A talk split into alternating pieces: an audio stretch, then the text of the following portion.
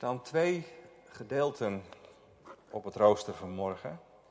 Ik lees nu het eerste en straks, als ik de inleiding op de preek heb gehouden, dan lees ik ook het tweede uit Johannes 16. Maar we beginnen met een paar woorden uit de profetie van Jezaja. Gesproken in de tijd van de ballingschap, een tijd van enorme crisis in het leven van het volk van Israël. En dan komt deze belofte. Jezaja 41 vanaf vers 17. De ellendigen en de armen zoeken water, maar het is er niet. Hun tong versmacht van dorst. Ik, de Heer, zal hen verhoren. Ik, de God van Israël, zal hen niet verlaten. Ik zal op kale hoogten rivieren doen ontspringen, midden in valleien bronnen. Ik zal de woestijn maken tot een waterpoel, het dorre land tot waterbronnen. Ik zal in de woestijn de ceder zetten, de acacia, de mirt en de oliehoudende boom. Ik zal in de wildernis de cipres plaatsen, samen met plataan en dennenboom. Opdat men ziet en erkent, bedenkt en tevens inziet dat de hand van de Heer dit gedaan heeft en de Heilige van Israël het geschapen heeft. Tot zover de eerste lezing.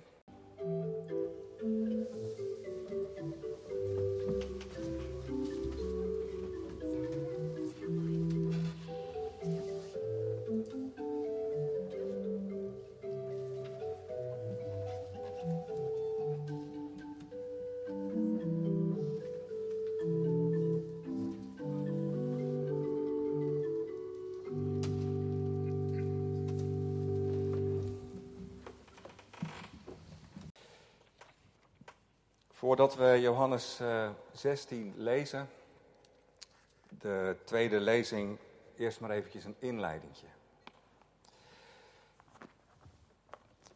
We bevinden ons op dit moment in een periode, in een tijd, in een situatie waarin om ons heen, maar ook in ons leven van alles doodgaat.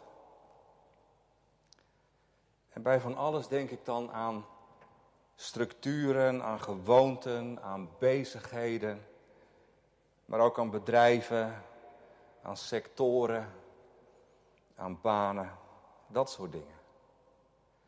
Heel veel dingen waar we zo aan gewend waren, zijn opeens stilgevallen en van sommige dingen beginnen we te vermoeden dat ze wel eens volledig kunnen verdwijnen. Al met al is het een ongekend stervensproces aan het worden. Van onze reislust misschien wel. Van onze angst om dingen te moeten missen. Fear of missing out noemen we dat.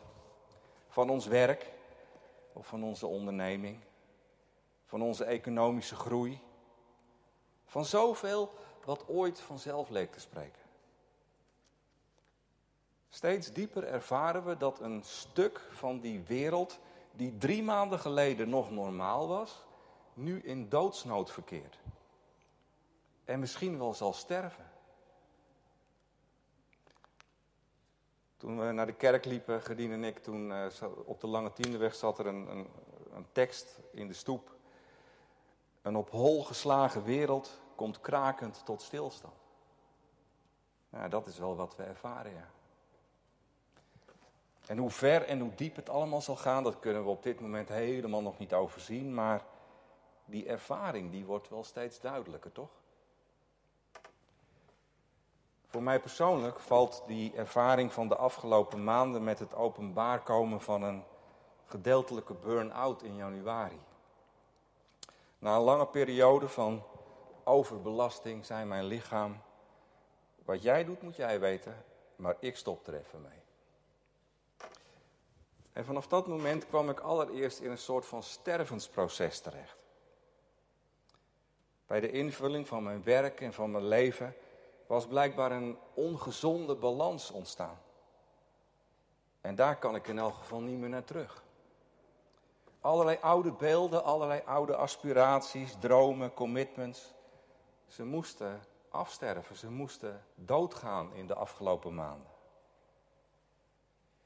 En omdat ze geen uitdrukking waren van wie ik ten diepste mag zijn als kind van God, in de dingen waar God me toe roept, daarom mag dat ook afsterven. Hoe ver en hoe diep dat allemaal gaat, ik kan het nog steeds niet helemaal overzien. Maar de ervaring wordt wel steeds duidelijker. Nou, in die hele ervaring, die we denk ik allemaal op een of andere manier wel hebben. De ervaring van sterven, dat er dingen aan het doodgaan zijn. Komt er één vraag met volle kracht naar boven. Zal er ook vanuit deze dood weer opstanding zijn? En zo ja, hoe ziet die opstanding er dan uit? En wat kunnen we doen om ons daarvoor te openen? Ik vond een mooi antwoord op die vragen in Johannes 16. De lezing van vandaag. De gegeven tekst die op zoveel plekken vandaag gelezen wordt. En ik heb de preek maar samengevat onder het motto: In het licht van de opstanding wordt stervenspijn geboortepijn. Johannes 16 maakt deel uit van de afscheidsgesprekken van Jezus met zijn leerlingen. En hij is bezig eigenlijk op dat moment om zijn leerlingen voor te bereiden op een nieuwe tijd. Dwars door de crisis van dood en begrafenis heen. Een tijd waar ze zich op dit moment nog niks bij kunnen voorstellen.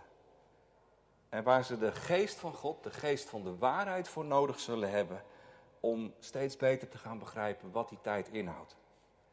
Een tijd die wel vooraf zal worden gegaan door heel veel verlies en pijn en verdriet.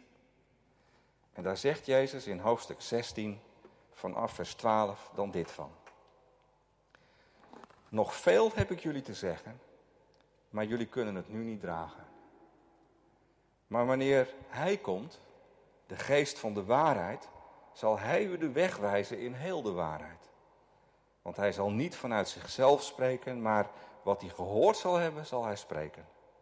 En de toekomstige dingen zal Hij u verkondigen. Die zal mij verheerlijken, want Hij zal het uit het mijne nemen en het u verkondigen. Alles wat de Vader heeft, is van mij. En daarom heb ik gezegd dat Hij het uit het mijne zal nemen en het u zal verkondigen. Een korte tijd en u ziet mij niet.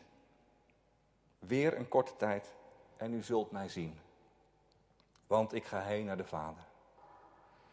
Sommigen dan van zijn discipelen zeiden tegen elkaar: Wat betekent dit dat hij tegen ons zegt: Een korte tijd en u ziet me niet, en weer een korte tijd en u zult me zien, want ik ga heen naar de Vader? Ze zeiden dan, wat bedoelt hij met een korte tijd? Wij weten niet waarover hij het heeft. Jezus dan wist dat ze hem dit wilden vragen en hij zei, vraagt u zich onder elkaar af wat het betekent dat ik u heb gezegd een korte tijd en u ziet me niet en weer een korte tijd en u zult me zien?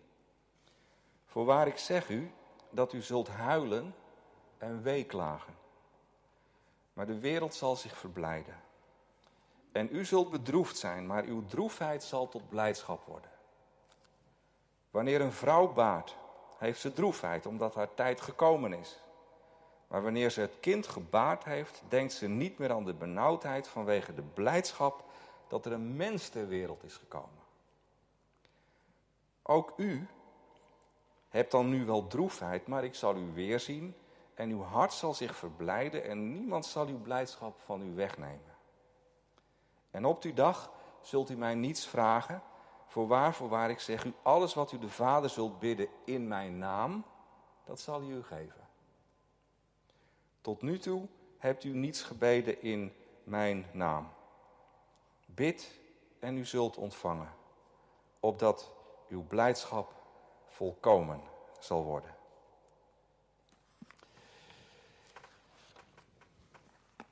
Het is best een beetje chaos gemeente, in de hoofden en de harten van de leerlingen. Steeds dieper dringt tot hen door dat wat ze hadden met Jezus er binnenkort niet meer zal zijn. En alleen die gedachte roept al een gevoel van paniek bij hen op. Die hele omgang met Jezus, die hen zo vertrouwd was geworden. Het verkeren in zijn nabijheid. Zo veilig en zo geborgen. Het idee dat ze hem straks niet meer kunnen spreken, dat ze hem niet meer kunnen aanraken, niet meer kunnen volgen. Ze kunnen zich er niks bij voorstellen. En ze worden er heel erg verdrietig van. Ze moeten afscheid nemen, maar niet alleen van Jezus, die in lichamelijke uh, zin bij hen was geweest, maar ze moeten ook afscheid nemen van een heel tijdperk. Want met het sterven van Jezus sterft eigenlijk ook het tijdperk van zijn lichamelijke aanwezigheid op deze aarde. Met zijn begrafenis wordt het hele pre- en met Jezus tijdperk begraven. En Jezus zegt, dat zal jullie veel verdriet geven. Jullie zullen echt in de rouw zijn op wat je ontvallen is en op wat het allemaal losmaakt. Het gaat in dit hele stuk dus over verliezen wat bekend en vertrouwd was. Over loslaten en over niet krampachtig in het leven proberen te houden wat geen leven meer in zich heeft. Dat was wat de leerlingen steeds probeerden. Dit zal toch niet gebeuren? Dat zal toch niet gebeuren? Jawel, zegt Jezus. Dit gaat wel gebeuren. Want dit is wat Jezus te doen staat, maar ook wat zijn leerlingen te doen staat. En wat ons mensen in allerlei situaties te doen staat. Jezus trekt wat hem gebeurt eigenlijk door naar zijn leerlingen en maakt het tot een soort grondpatroon.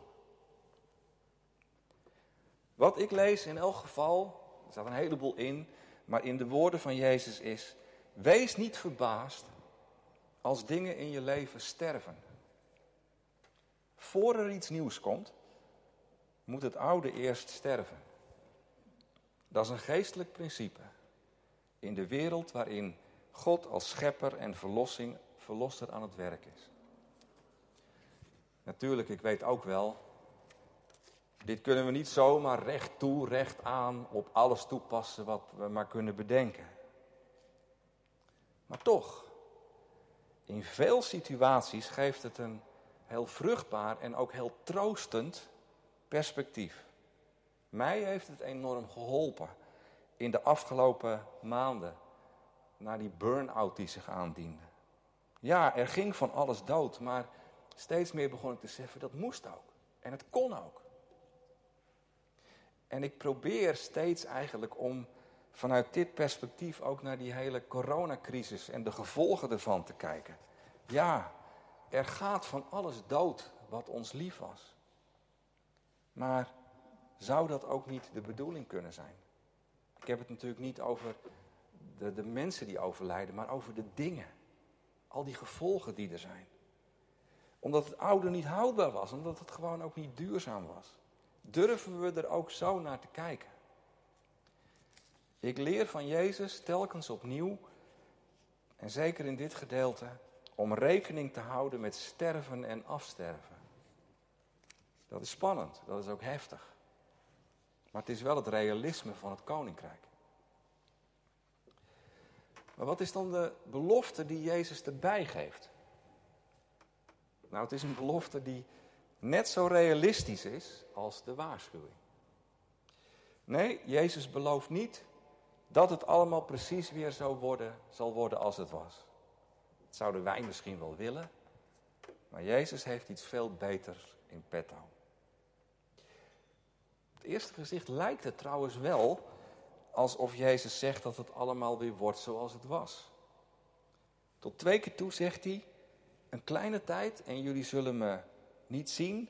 Ik zal er voor een korte tijd niet meer zijn, maar dan, dan ben ik er weer. Maar wat betekent dat dan eigenlijk dat jullie zullen me weer zien?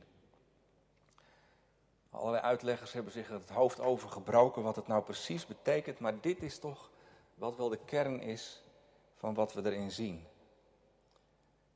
Allereerst heeft Jezus het hier over de tijd na de opstanding. Als hij zich weer zal laten zien aan Maria, Magdalena, aan Petrus, aan Thomas, aan zijn leerlingen. Maar we weten wel dat het niet zomaar dezelfde Jezus was die we daar zien. In de kern natuurlijk wel. Maar het alles blijkt dat hij eigenlijk geen deel meer uitmaakt van onze oude wereld. Tegen Maria Magdalena zegt hij: Hou me niet vast. Probeer niet om mij vast te houden op, deze, op die oude manier. Want ik ben anders geworden. De opgestane is de eersteling geworden van de doden en van de opgestanen uit de doden. En ook de eerste van een nieuwe tijd, van een nieuwe schepping. Waarin de dood wordt overwonnen en waarin de wereld weer als nieuw wordt. Maar dat is niet de enige betekenis van jullie zullen me zien. Die verschijningen van Jezus, die zullen ook maar weer tijdelijk zijn. Op een bepaald moment gaat hij weg, gaat hij naar de hemel. Maar daarna zullen ze Jezus zien, en dat is wat Johannes elke keer duidelijk maakt, ze zullen Jezus zien in de gestalte van de Heilige Geest. De geest der waarheid, zoals Jezus die in vers 13 noemt. Na Pinksteren zal het tijdperk van de geest aanbreken. Dan zal Jezus op de manier van de geest onder ons zijn. God woont dan niet meer bij de mensen in de persoon van Jezus, hè, zodat hij bij de mensen woont. Nee. Hij woont dan op de manier van de Heilige Geest in ons mensen. En die geest, ja, die geest die gaat allemaal nieuwe dingen maken. Die gaat mensen vernieuwen, die gaat dingen vernieuwen, die gaat de wereld vernieuwen. Op weg naar Gods grote toekomst. Hij gaat ons leiden in alle waarheid, in Gods waarheid. Het tijd van de geest, tijdperk van de geest zal een tijd zijn waarin allerlei nieuwe glimpen van de nieuwe wereld van God, van Gods koninkrijk, zullen oplichten. Het oude is voorbij gegaan, het nieuwe is gekomen, zegt Paulus. Pasen is niet dat we weer teruggaan naar hoe het was. Maar Pasen is opstaan in een nieuwe toekomst. In een nieuwe werkelijkheid. De werkelijkheid van de opgestane, de werkelijkheid van de geest van God. En dan gebruikt Jezus een heel mooi beeld. Het beeld van een moeder die een kind baart.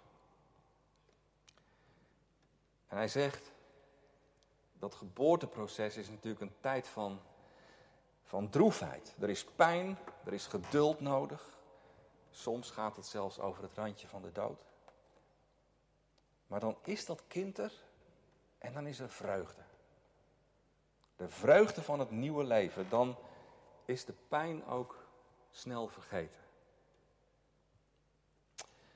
Wat Jezus hier tegen zijn leerlingen zegt is, die stervenspijn die wij zullen meemaken. En Jezus bedoelt, ik op mijn eigen unieke manier, maar jullie als mijn leerlingen in de verbondenheid met mij. Die stervenspijn is eigenlijk geboortepijn. Dat kun je je nu misschien nog niet voorstellen op het moment dat je er middenin zit. Maar als het nieuwe leven zich eenmaal heeft aangediend, dan zul je vreugde hebben. Stervenspijn als geboortepijn. Dat raakt aan het diepste geheim van het evangelie. Het evangelie van Pasen. Dat God van onze stervenspijn geboortepijn kan maken, dat is het evangelie. Dat wordt heel zichtbaar in de doop. Zeker als die door onderdompeling gebeurt. Ik heb in de loop van de jaren verschillende zoekers die tot geloof waren gekomen, uh, door onderdompeling gedoopt. En allemaal beseften ze dat het ondergaan, het kopje ondergaan in het water, betekende dat ze daarmee eigenlijk ook hun oude leven begroeven. En dat ging vaak ook met, met pijn en verlies gepaard. Met veel onbegrip, met veel verdriet, met veel, uh, nou ja, wat dan ook niet allemaal. Maar als ze dan weer boven water kwamen, dan hoorden ze als eerste, met Christus mag je opstaan in een nieuw leven. Stervenspijn als geboortepijn. Dat is ook het geheim van wat Jezus wedergeboorte noemt. Wij kunnen, we moeten opnieuw geboren worden van bovenaf om het echte leven zoals het bedoeld was binnen te gaan. Maar iedereen die het meemaakt en heeft meegemaakt, dat opnieuw geboren worden, die weet dat het nooit zonder pijn gaat. De pijn van het sterven van je oude mens. Dat versleten levenskleed. Waar je toch zo aan gehecht bent. Net zoals je gehecht kunt zijn aan die oude versleten jas waar je maar geen afscheid van kan nemen. Het is een prachtige belofte. De opgestane Heer die kan door zijn geest stervenspijn tot geboortepijn maken. En wat moeten we doen om die belofte te verzilveren? Wat betekent dat dan? Gewoon heel praktisch, ook voor het leven nu. Jezus noemt in Johannes 16 twee dingen. Het eerste in vers 13, waar hij zegt: De geest der waarheid, die zal jullie in alle waarheid leiden. In die woorden zit natuurlijk allereerst weer een belofte. De Heilige Geest die komen gaat, die zal in die nieuwe wereld die God na Pasen begint, die zal jullie mensen in, in alle waarheid leiden. In de waarheid over Jezus om te beginnen. Als de bron van de wedergeboorte, als de eersteling van de nieuwe schepping. Maar hij zal ook leiden in de waarheid van het nieuwe leven van Gods koninkrijk. Van Gods nieuwe schepping. Dus maar even concreet. En er zijn een heleboel dingen te bedenken, maar dit was wat ik bedacht. Omdat er zoveel over gepraat wordt op het ogenblik. De geest wil ons ook leiden in Gods waarheid over een rechtvaardige aanpak van de economische crisis die ons te wachten staat. Zodat de tweedeling tussen arm en rijk niet groter wordt na deze crisis, maar kleiner. Gisteren, voorpagina trouw, een heel stuk van Bas van Bavel onder andere, die ervoor waarschuwt dat het nooit vanzelf zal gaan. Dat zo'n crisis ervoor zorgt dat de dingen weer een beetje gelijk worden getrokken. Met een beetje pech worden de rijken alleen maar rijker en de kwetsbaren en de armen alleen maar armer. Maar wat is Gods waarheid hierin? Waar wil de geest ons in leiden? En hij wil ons ook leiden in Gods waarheid over het rentmeesterschap, over zijn goede schepping, waar we op een of andere manier ook opnieuw over aan het praten zijn. In hoeverre intensief vliegverkeer en het vernietigen van bossen en oceanen en het uitputten van allerlei bodemschatten daarin passen. De geest van God, die de geest van de opgestane Heer is, leidt in alle waarheid. Op al die verschillende terreinen ook van ons leven. Eerst over Jezus en wie Hij is, maar dan ook over zijn wereld. Maar het is duidelijk dat die belofte dus ook verbonden is met een opdracht. De opdracht om ons door die geest van de waarheid te laten leiden, juist ook nu. Ons te laten leiden tegen al onze menselijke weerstanden in.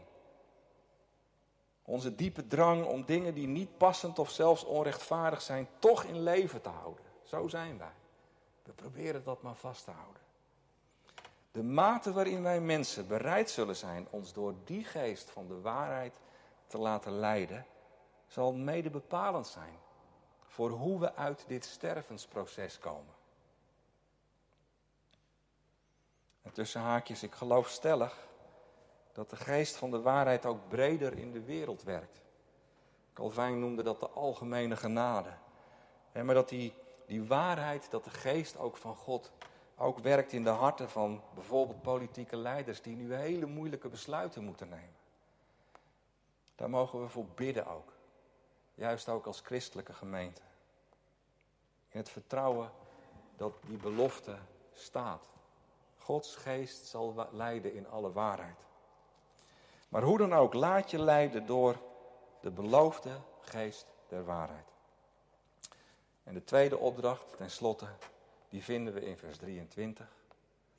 Daar zegt Jezus, alles wat jullie de Vader bidden in mijn naam, dat zal Hij u geven. Die tweede opdracht luidt dus, als Jezus er niet meer lichamelijk bij is, dat wij leren bidden in Jezus' naam. Bidden in de naam van Jezus die stierf, begraven werd en opstond uit de dood. Bidden in de zekerheid dat als wij bidden, dat Hij er dan ook bij is om onze gebeden te leiden. Wat is dat, bidden in Jezus' naam dus? Het is niet een verlanglijstje maken en dan indienen bij God en ondertekenen met in de naam van Jezus. Nee, het is je verlanglijstje laten bepalen en vullen door die waarheid van Jezus, die de Geest ons wil leren. De waarheid van Jezus die de gestorvene is en de opgestane.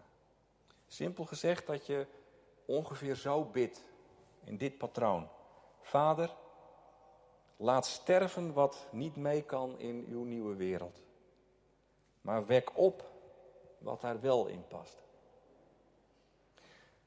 Laat ons zien wat we moeten loslaten omdat het schadelijk is voor onze ziel, voor ons lichaam, voor ons leven, voor uw schepping. En doe ons verlangen naar wat echt de tekenen zijn van uw koninkrijk dat komt. Van dat nieuwe, die nieuwe schepping die u aan het maken bent en eens in alle volheid geeft. Doe ons verlangen naar tekenen van uw koninkrijk en uw gerechtigheid. Leid ons door uw Heilige Geest in de waarheid over wat levensvatbaar is in uw ogen. En geef dat we u daarin zullen dienen en volgen. Maak ons bereid om mee te gaan in uw levenspatroon. Dat van sterven en opstaan. Help me om de stervenspijn van dit moment als geboortepijn te kunnen zien. Dat is bidden in Jezus' naam. En zijn we daartoe ook bereid? Voor onszelf, voor onze wereld, ook als het pijn doet. Ik eindig graag met de woorden van een gezang dat ik ook had kunnen laten zingen na de preek, maar daar dacht ik even niet aan. Dit lied gaat zo.